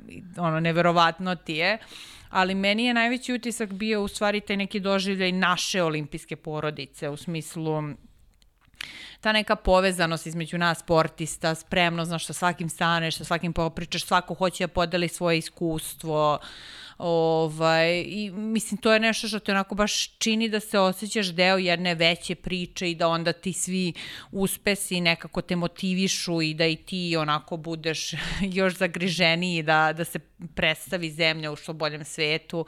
I meni je to onako neki naj, najlepši osjećaj na olimpijadi, taj doživljaj onako ujedinjenosti između svih tih naših ovaj, timova i čitave te misije i evo sad kada radim iza kulisa, kada ovaj, u olimpijskom komitetu radim, ja kažem ovaj, kada imam priliku da pričam sa sportistima, čak i za ove neke naše manje misije, ne znam, Mediteran, Evropske igre, E, da je to otprilike neka mini olimpijada i da zato sportisti koji ne mogu da odu na olimpijadu treba da dožive to, jer je to stvarno onako nešto ovaj, posebno je doživeti da je, ne znam, od Đokovića preko vaterpolista i svi drugih naših individualnih sportista nemaju nikakav problem da zastanu s tobom, da ti pitaju kako si, da podele savet i ovaj, to je nekako ono duh sporta, za ne ono o čemu uvek kao pričamo o tom nekom fair playu, prijateljstvu i svemu tome. U suštini tek tada vidiš koliko su te velike zvezde u stvari normalni, pa da. normalni ljudi. Ja sam imao, ovaj, da kažem,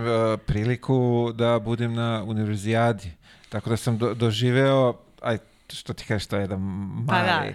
Ovaj, Ali to je taj kao neki prototip, eto. Tako je, da, i ja sam bio oduševljen tim otvaranjem, to je bio neki ogroman stadion, to pa su da. light show, nešto mi došli, ono, ne znam gde se nalazimo, ali nam je bilo, ovaj, bilo nam je fantastično i, i mnoge, mnoge ovaj, zanimljive anegdotice su ovaj, tamo se stvarile, tako da je to bilo fantastično. Uh, 19. svetsko Ne, e, evropsko, evropsko, evropsko Beogradu, da. da.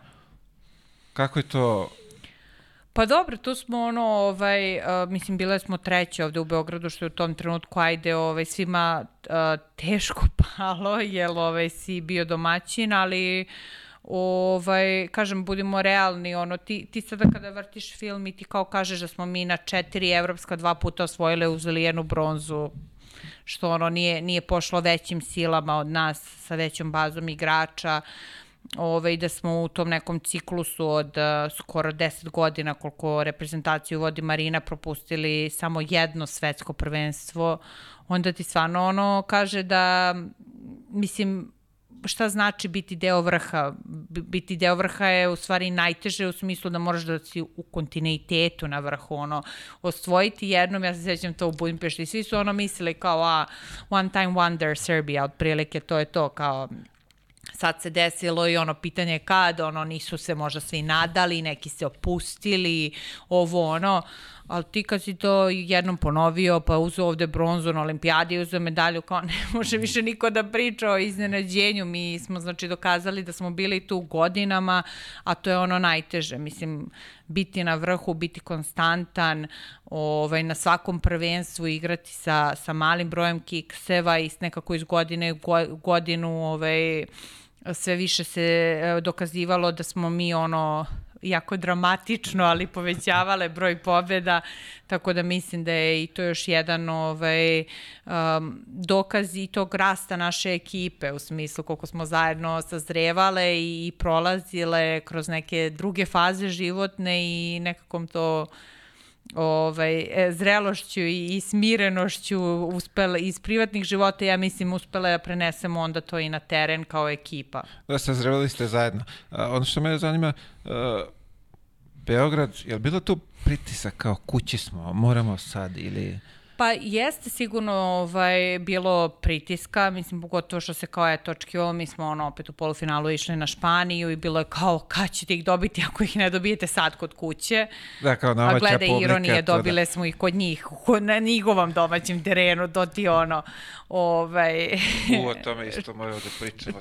Ču, čudo nešto, ali da, ovaj, uh, mislim, bilo je nekog, uh, nekog pritiska, ali ja sad kažem, ono, mislim, šta je pritisak? Za svakog je pritisak pritisak individualno. Ja uvek imam sebi pritisak, zato što ja uvek smatram da ono, mi treba da pobedimo, da treba da igramo za medalju. Ja prva smatram da ja moram da budem ono na nivou, ako mislim da ekipa igra na nivou I ovaj, sećam se ono da, da ta utakmica protiv Štapanije meni, ja mislim, lično najgora utakmica u, u reprezentativnom dresu i ovaj, da, da ono, smatram se jednim od direktnih krivaca za, za taj poraz, ali ono, ko, ko mislim, ko zna, ne, mislim, neke stvari su stvarno, ono, ne, ne mogu, ovaj, ne, nema pravila i ovaj, jeste bilo onako malo možda seta, jer mislim da smo ušli u finale da bi arena bila puna ovaj, u Beogradu, ali dobro, mislim da mi smo stvarno imali prilike da igramo po raznim gradovima u Srbiji, da su nas ljudi uvek ispoštovali i uvek onako bili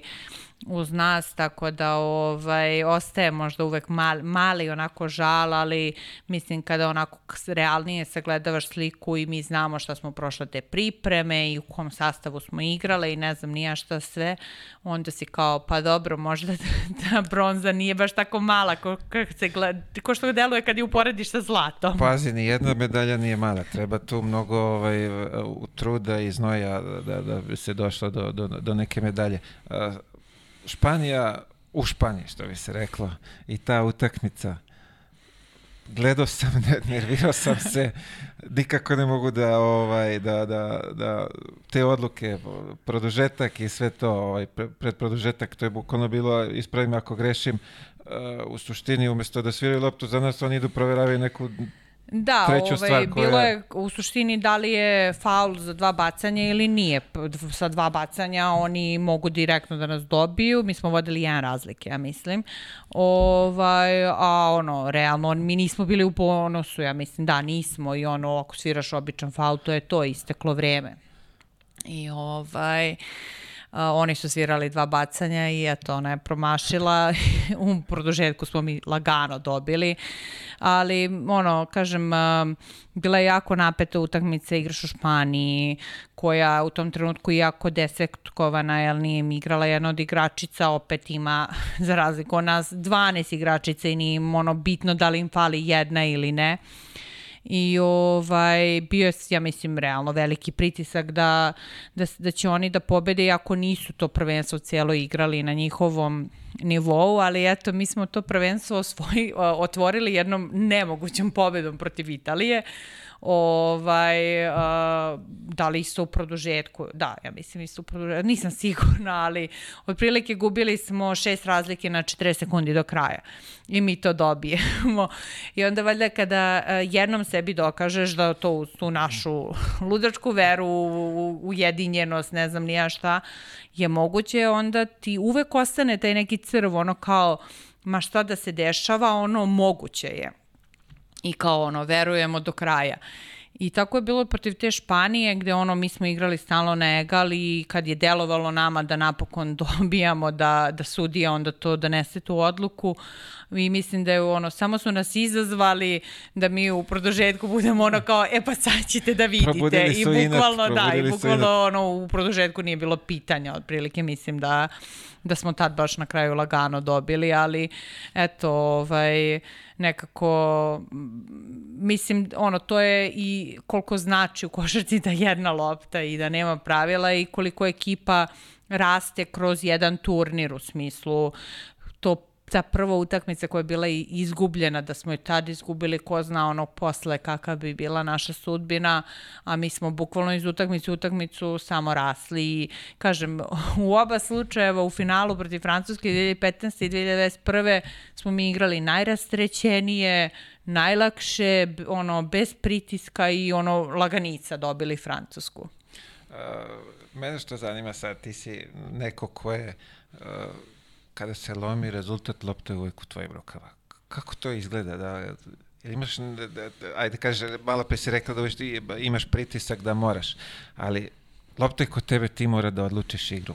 Kakav je to osjećaj? Kako to doži, do, doživljavaš?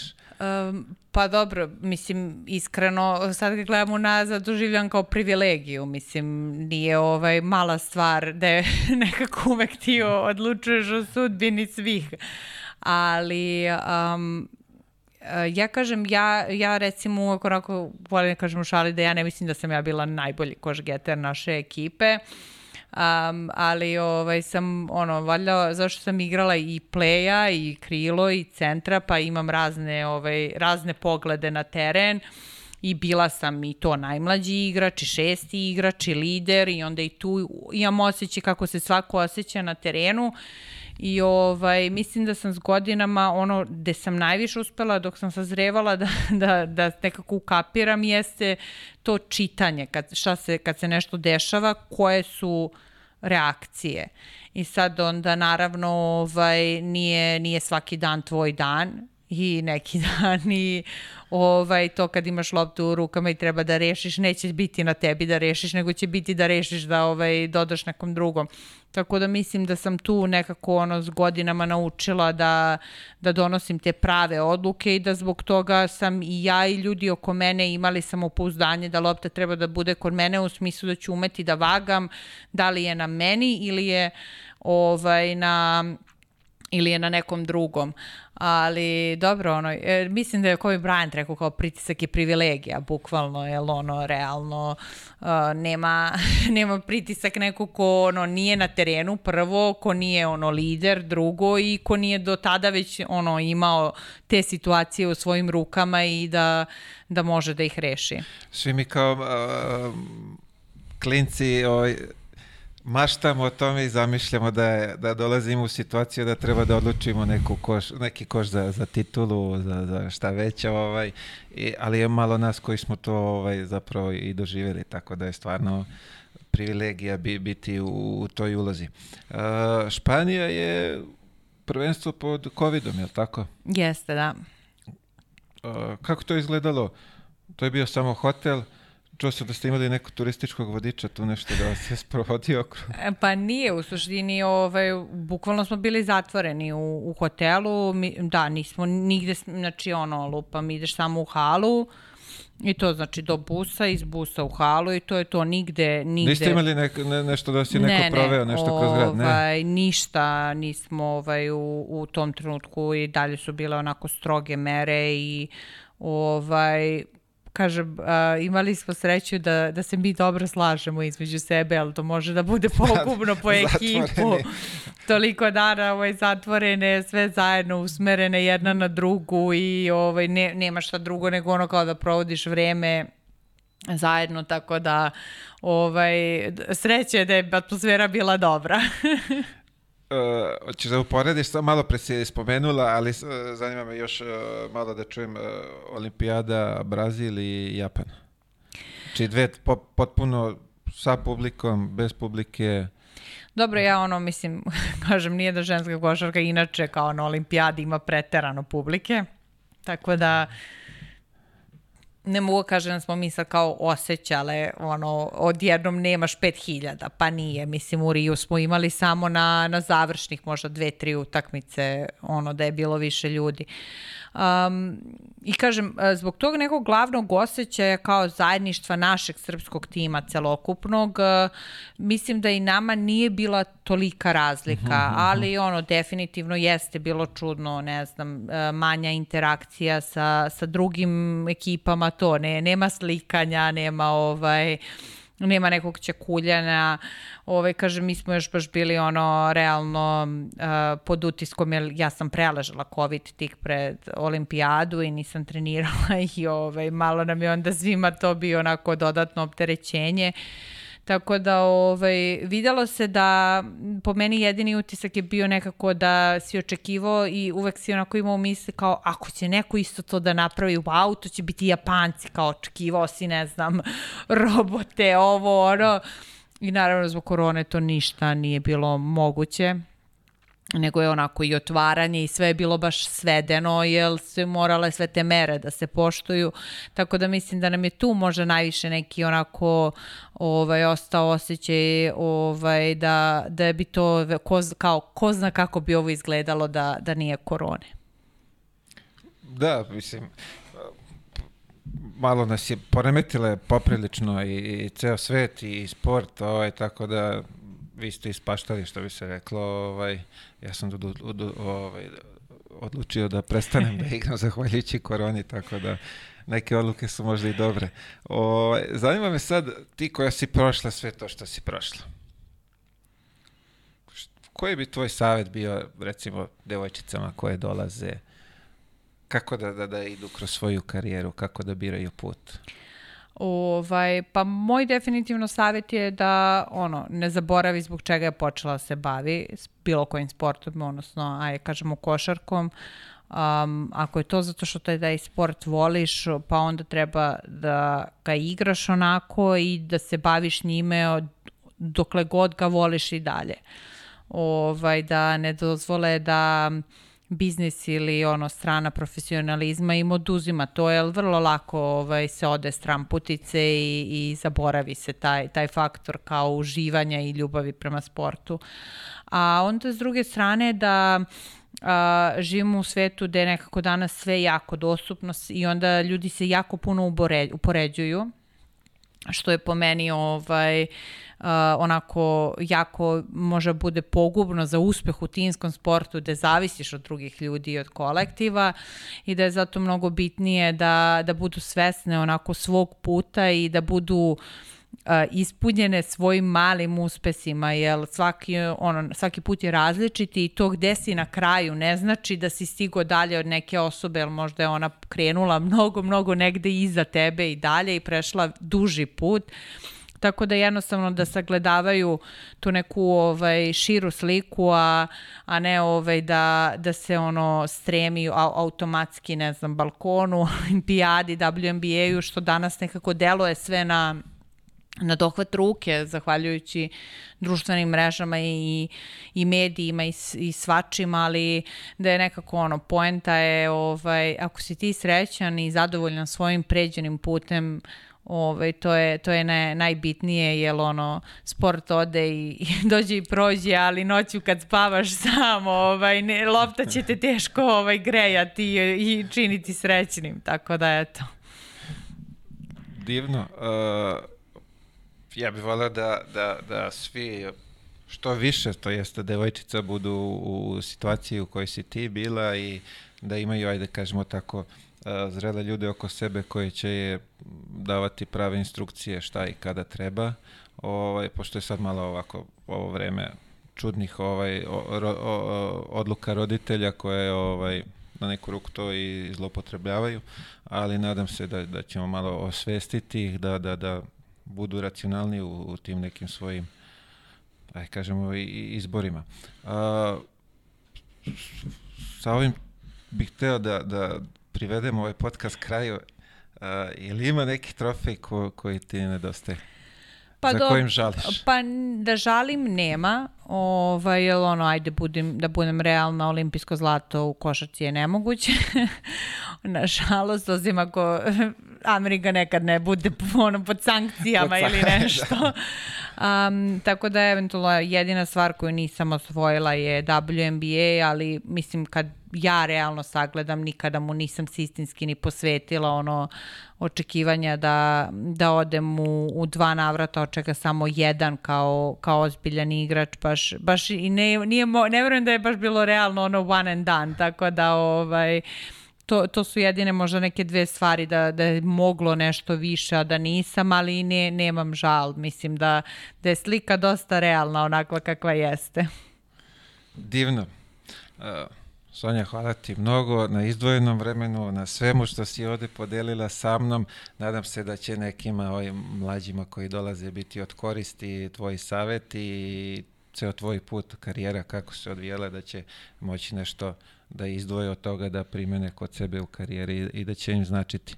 još jednom veliko hvala, uh, želim ti svu sreću u daljem uh, nastavku karijere, ove, šta bi se reklo, poslovne i svako dobro. Hvala, takođe. Dragi gledalci, bila je to još jedna epizoda podcasta Java Mile.